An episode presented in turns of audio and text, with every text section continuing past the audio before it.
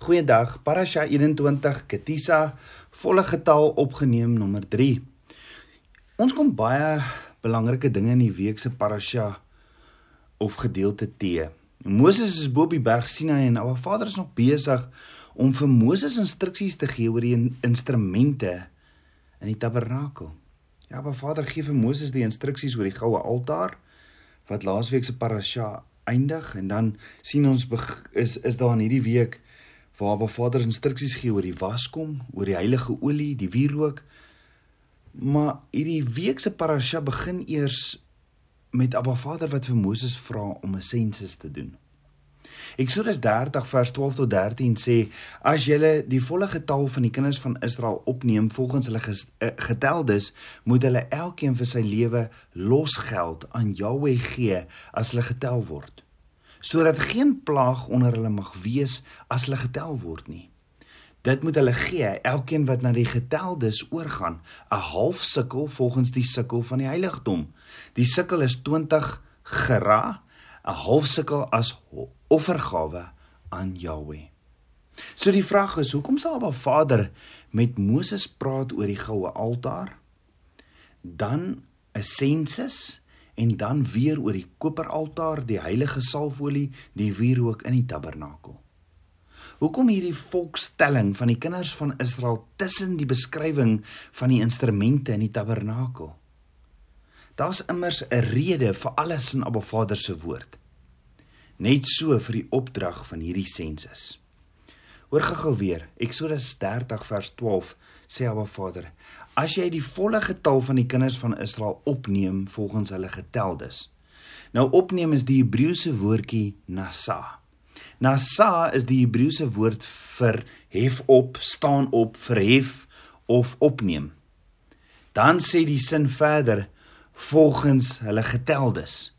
Geteldes in Hebreëus is die woordjie rosh wat ook die woord vir kop is. Met ander woorde opneem of geteldes kan ook beteken lig op en verhef die koppe van die kinders van Israel.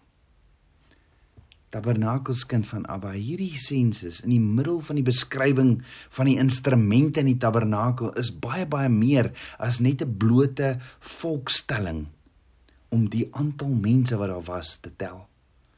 As dit sommer net 'n gewone sensus was, sou Abba Vader dit tog nooit hier tussen sy instruksies van sy heiligdom genoem het nie. So hierdie sensus, hierdie tussen die beskrywing van die instrumente in die tabernakel het 'n baie baie belangrike rol. En hierdie opname van die kinders van Israel was 'n geestelike formule van Abba Vader om die kinders van Israel te verlos en te verhef. Kan ek dit herhaal? Hierdie opname van die kinders van Israel was 'n geestelike formule van Abba Vader om die kinders van Israel te verlos en te verhef. Hierdie halwe sikkel as 'n offergawe tydens die sensus was die toegangskaartjie om Abba Vader se teenwoordigheid binne te gaan in die wêreld agter te laat. So hierdie is so 'n eienaardige of 'n vreemde instruksie as jy in die natuurlike daarna kyk, maar ons het al geleer dat Abba Vader wat Gees is, sy woord vir ons gee wat geestelike wesens is. Dit's 'n geestelike boek. So ons moet altyd onthou dat alles wat Abba Vader vir Moses sê om te doen 'n patroon is van iets in die geestelike riem met 'n werklike doelpunt daar agter. In die natuurlike riem beveel Abba Vader vir Moses om 'n volkstelling of sensus te doen en dat elke man ouer as 20 'n betaling moet doen en 'n half sikkel moet betaal. Nou hierdie half sikkel is vir die instandhouding van die tabernakel wat die voltydse priesters van die dag finansiëel ook onderhou het, maar in die geestelike riem is Abba Vader besig om iets hier baie baie belangrik vir ons te leer. In die eerste plek was hierdie halfe sukkel nie nie vir belasting nie. Dit was 'n losprys, soos die woord sê. Nou die woord losprys hou verband met die woord verzoening. En Abba Vader sê verder in Eksodus 30 vers 14 tot 15: Elkeen wat oorgaan na die geteldes van 20 jaar oud en daarbo, moet die offergawe van die Here gee. Die ryke moet nie meer en die arme moet nie minder as 'n half sikkel bring nie as hulle die offergawe van Jahweh gee om vir hulle siening vir, vir hulle siele voorsiening voorsiening te doen. Met ander woorde, die konnotasie hier is dat hulle 'n prys vir hulle lewens betaal. En op 'n baie spesiale manier het hulle erken dat Abba Vader soewerein was dat hulle lewens van hom afhang en deur hom regeer word. Die resultaat van hierdie halfsukkel offergawe was om vir Abba Vader 'n geldoffer te gee en as hulle nie hierdie losprys betaal het nie, is hulle nie onder die kinders van Israel, kinders van die soewereine koning gereken nie. Die profetiese prentjie wat Abba Vader vir ons hier skets van hierdie jaarlikse sensusopname was om 'n bloudruk te skep van van as 'n mens deel wil wees van die koninkryk van Abba Vader dat daar 'n prys betaalbaar is en dat jy gekoop moet word. 'n Verlossingsprys moes betaal word. 'n Losprys moes gegee word om die persoon te verlos sodat hy kan lewe. As enige iemand deel wou wees van 'n Vader, moes hy die koste bereken het en die prys betaal het. Om deel te wees van 'n Vader se koninkryk was is was nie gratis nie. Daar's 'n koste aan verbonde en niemand Iemand, iemand moes daarvoor betaal het. Hierdie volkstelling of sensus was die eenvoudige jaarlikse voorloper vir wat die boek Openbaring se oordeelsdag noem. Wat anders is die boek van die lewe as 'n reuse sensusboek, is dit nie? Almal wie se naam in die boek voorkom, is daar omdat hulle die losprys van die bloed van die lam as verlossing vir hulle siele aanvaar het gaan kyk gerus Openbaring 20 vers 12. En net soos die oorspronklike sensus was die betaling nie meer vir die rykes en nie minder vir die armes nie, soos die prys wat in die finale sensus getel moet word ook vir alle siele dieselfde. Dit is die bloed van die lam van Yeshua wat vir alle mensdom gestort is. Dit is sy bloed wat nasa ons koppe verhef en oplig. Maar hoor gou wat staan in Matteus 27 vers 33 tot 34. Hulle kom toe by 'n plek wat Golgotha genoem word. Dit beteken kopbeenplek. En daar het hulle hom 'n mengsel van wyn en gal gegee om te drink. Maar toe hy dit proe, wou hy dit nie drink nie. Baie baie mense het hierdie plek genaamd Golgotha of kopbeenplek in Jerusalem naby die tempel al gesoek. Daar is selfs 'n tuingraf in Jerusalem reg langs 'n koppie en hierdie koppie klein bergie het 'n area wat lyk soos 'n kopbeen. Waar mense glo dis waar Yeshua gekruisig is of waar Golgotha is. Daar's egter baie beweringe oor plekke wat lyk soos 'n kopbeen waar mense sê dis eintlik waar Golgotha is. Maar wanneer 'n mens die Hebreëse kultuur en konteks waarin die woord geskryf is, verstaan, word die of wil verstaan, word die betekenis van Golgotha nie net duidelik nie, maar plaas dit ook die uitroeping op die doel van die oorspronklike opdrag oor hoe om 'n volkstelling in Israel te neem. In die antieke Israel beteken die opname van die halfsukkel offergawe 'n losprys van elke man ouer as 20. In die Romeinse tyd het hulle mense se hoofde fisies getel op 'n sekere aangewese plek in elke stad in die Romeinse provinsies. Die Romeine was in be, was in beheer toe Yeshua op aarde was.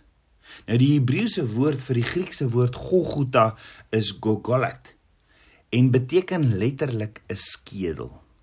En as dit weer in sy regte konteks geplaas word, word die ware betekenis van Golgotha van selfsprekend. Hoor wat staan in Numeri 1 vers 2 waar Ba Vader vir Moses sê: "Jy en Aaron moet al die Israeliete man vir man Golgotha tel volgens afkoms en familie. Skryf die name van elke manlike persoon van 20 jaar en ouer, elkeen in Israel wat vir 'n militêre diens geskik is en wat in leerafdelings ingedeel is." En dan sê Numeri 1 vers 18 tot 19 en hulle die hele vergadering op die eerste dag van die tweede maand bymekaar laat kom en die het hulle afkoms opgegee volgens hulle geslagte, volgens hulle families na die getalle name van 20 jaar en daarbo, hoof vir hoof Golgotha, soos Jahweh Moses beveel het. En hy het hulle getel in die woestyn Sinai soos jy in hierdie gedeelte ehm um, uit hulle getel in die woestyn Sinai So hierdie gedeelte kan sien, kan ons sien dat Gogolet gebruik word in die konteks van 'n sensus deur die koppe of skedels van individue ouer as 20 te tel. Nou teen die tyd van die eerste teen die tyd van die eerste toe word Gogolet in die Grieks Golgotha genoem. Soos wat tyd gevorder het, word Gogolet in die Grieks Golgotha genoem en word dit gekoppel aan 'n werklike plek waar hulle mense getel het toe hulle vanaf die Olyfberg Jerusalem binne gegaan het. Golgotha was op die Olyfberg waar die rooi kalf Aria ook was, naby een van die belangrikste paaie na Here wat wat na Jerusalem gelei het. Hierdie plek was 'n bottleneck vir mense wat vanuit die ooste die stad binne gekom het en so ook 'n stasiepunt vir die tel van die skedels of die ophef van koppe. Dit is ook die rede waarom die Romeinse misdadigers op hierdie plek gekruisig is, mense gekruisig het om almal wat die stad binnekom met afgryslike bedoelings af te skrik. Dat hulle lot sou wees, dat dit hulle lot sou wees. En dit is waarom dit Golgotha genoem is. Dink aan betekenis van hierdie feit. Dink aan die betekenis van hierdie feit. Yeshua het gekom en deurdat hy homself geoffer het vir almal, betaal hy die losprys vir ons. Maar hy het ook gesterf op die plek waar hulle die skedel stel vir volkstelling as iemand Jerusalem sou inkom. Onthou, dit was die plek op pad, die tempel in die teenwoordigheid van 'n Vader sou inkom. Enige iemand wat na die tempel toe wou kom op die heilige berg, moes eers deur die buitenste poort Golgotha of Yeshua gaan en getel word as syne as jy sy losprys, sy bloed wat hy vir jou betaal het, aanvaar. Dis hoekom Yeshua sê in Johannes 14 vers 6: Ek is die weg, die waarheid en die lewe. Niemand kom na die Vader toe behalwe deur my nie. So sommer in die begin van hierdie week se parasha of gedeelte leer Abba Vader ons een van die belangrikste lesse oor sy instruksie en dit is dat die kinders van Israel elke jaar moes besluit het of hulle deel van sy koninkryk wou wees of nie. Daar was koste en hulle moes dit tel. Nou vandag Ongelukkig word daar vandag verkeerlik vir mense verkondig dat daar geen koste is vir die prys wat betaal is op Golgotha en dat die geskenk van verlossing gratis is.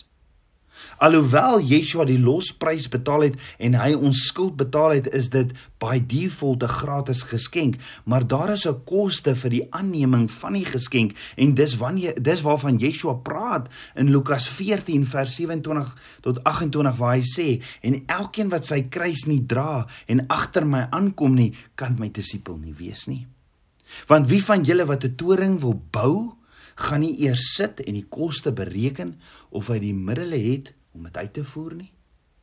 Jy sien die boumateriaal is miskien gratis, maar jy moet die koste van die arbeid bereken en tel wat dit sal neem om die toring te bou. Net soos daar 'n werklike koste daaraan verbonde om Yeshua waarlik te volg.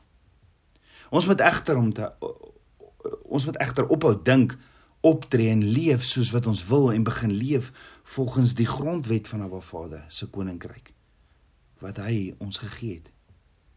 So die vraag is, sal jy jou kruis optel en en Yeshua waarlik volg? Soos jy kan sien, was die instruksie oor hoe om 'n sensus te neem baie meer as net 'n wet oor hoe om die kinders van Israel te tel. Nee, hierdie sensus gedeelte is baie baie spesifiek geplaas tussen die instrumente van die tabernakel wat ook alles gaan oor Yeshua. Want sien, om as Yeshua se kind getel te word, uh, om as Abba Vader se kind getel te word, as Yeshua se bruid getel te word, is die heiligste van alle realiteite. Abba Vader se bedoeling was en is om ons koppe op te lig en om ons koppe te verhef tot nuwe hoogtes wat buite die fisiese pyne van hierdie wêreld is. Maar hierdie keuse begin by my en jou. So sal jy vir jouself lewe en toegee aan jou eie wil om net te ontvang of sal jy jou tyd bestee om te gee? Want dis hoe ons Yeshua op hierdie aarde weerspieël. As ons kies om te gee en te dien, verhef ons, nasa ons die naam van Abba Vader op hierdie aarde en dit is wat ons waardig maak om as sy kinders getel te word. Kom ons bid saam. Abba Vader, koning van my hart, Vader, ek loof en ek prys U. Vader, dankie, dankie vir U woord. Vader, open my oë en ore en leer my net U waarheid. Dankie, dankie vir die prys wat betaal is. Ek wil U disipel wees, Yeshua. My kruis optel en U onvoorwaardelik volg, my Messias. Meer en meer van U. Ek bid dit alles in Yeshua, Hamasieg se naam, die seun van Jahweh. Amen. Shalom.